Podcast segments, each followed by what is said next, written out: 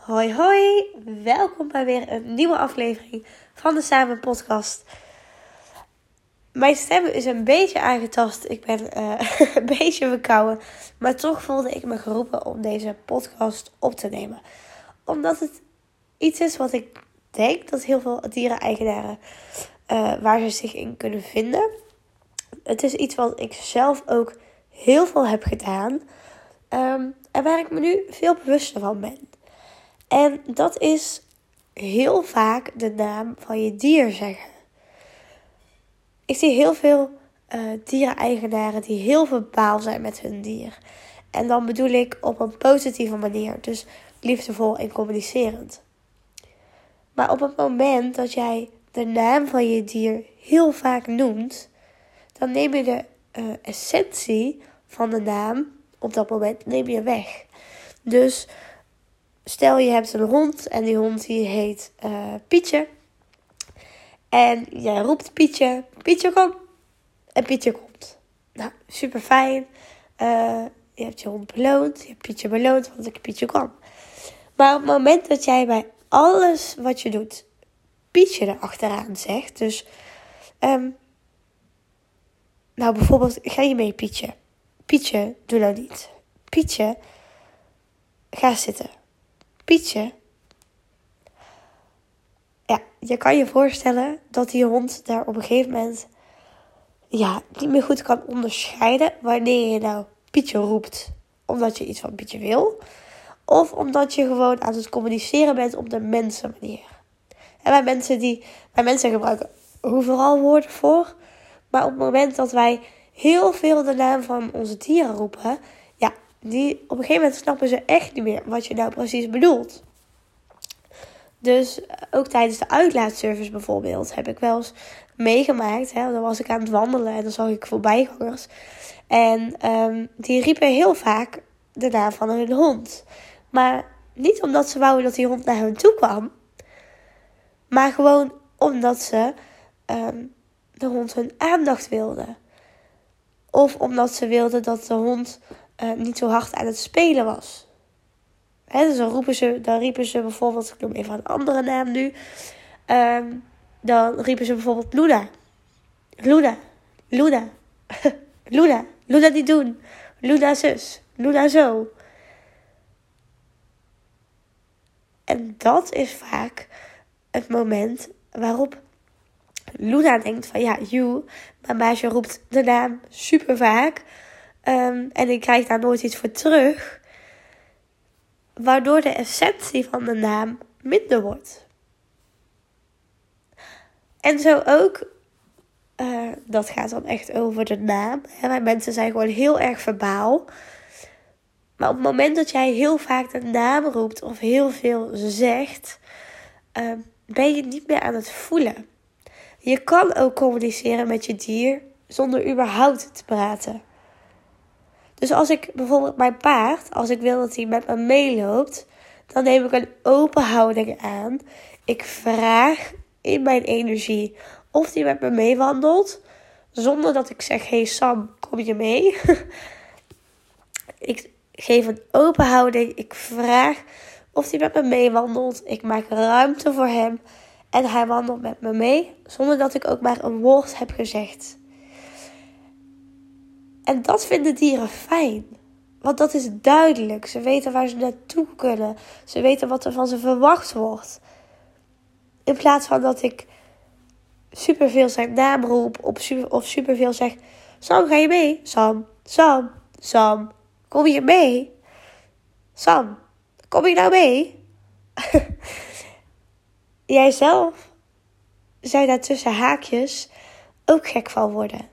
Als iemand heel de tijd iets zegt zonder duidelijk te zijn.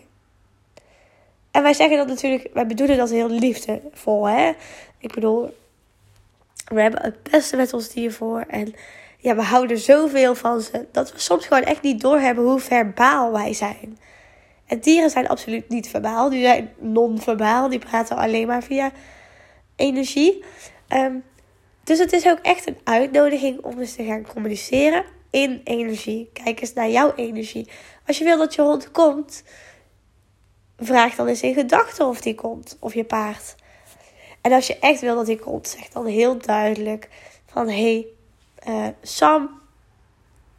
En kijk wat je dier doet. Want als jij ook niet duidelijk en daadkrachtig de naam noemt, op het moment dat je bijvoorbeeld je dier wil roepen om bij je te laten komen, en je bent niet krachtig genoeg, ja, dan weet je dat jij daar, daarin zelf nog werk te doen hebt. Dus communiceren is zo breed en daar kunnen wij zoveel van leren. Laatst had ik ook een uh, klant, een, uh, een, klant met een consult en een consult op locatie. En die moest haar hond inderdaad begeleiden uh, langs andere honden. En ze zei elke keer: Kom, kom maar mee, kom maar. Oh, wacht. Oh, stop. Kom maar. We gaan weer. Maar op het moment dat je inderdaad dat doet, uh, plaats je jezelf dus ook weer een beetje buiten jezelf.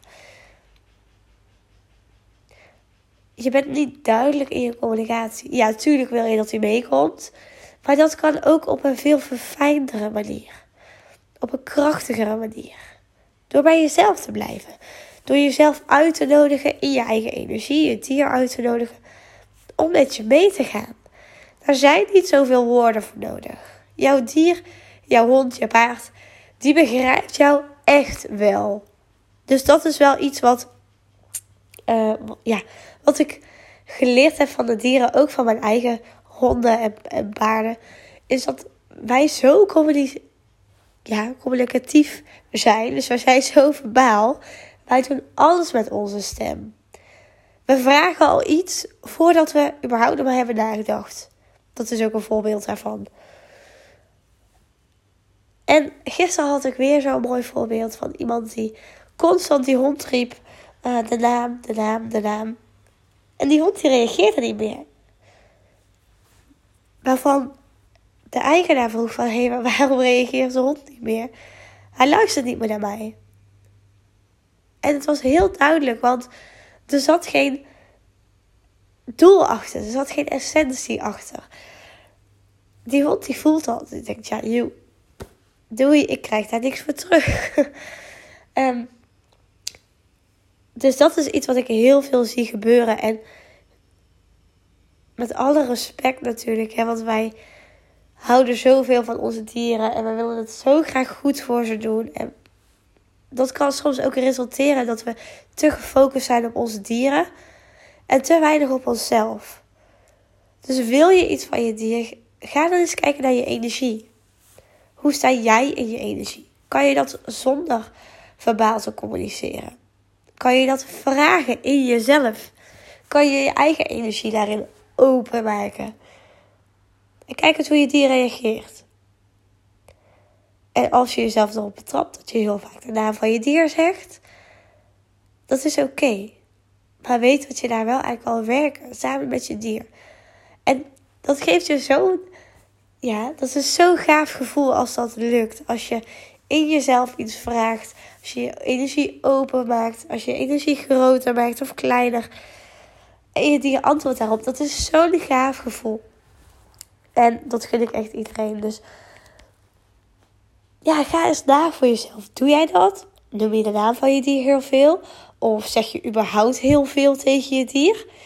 Um, en kan dat ook anders? Ga eens oefenen dat het anders kan. In jezelf, in je energie. Um, wees daadkrachtig met wat je zegt. Dus als je iets zegt, doe het vanuit je kracht. En kijk hoe je dier reageert.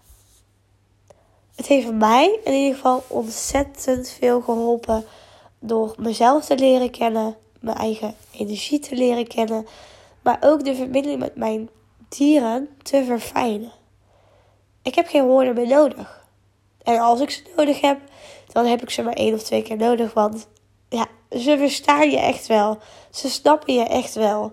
En zeker als jij dat met daadkracht doet. Deze wilde ik vandaag even delen. Ondanks dat mijn stem niet helemaal tip-top is zoals het zou moeten zijn. Um, Dankjewel voor het luisteren weer. Als je jezelf erop betrapt dat je daarna van je dier heel vaak noemt, of überhaupt heel veel praat tegen je dier, laat het even weten, want ik vind het super leuk om, uh, om jullie daarbij te helpen of om tips te, tips te geven. En nogmaals, het is vanuit alle liefde bedoeld. De dieren die weten dat ook wel. Jouw dier weet dat ook echt wel. Maar het is een uitnodiging om echt te verfijnen. Oké, dankjewel voor het luisteren en heel graag tot de volgende keer. Doei doei!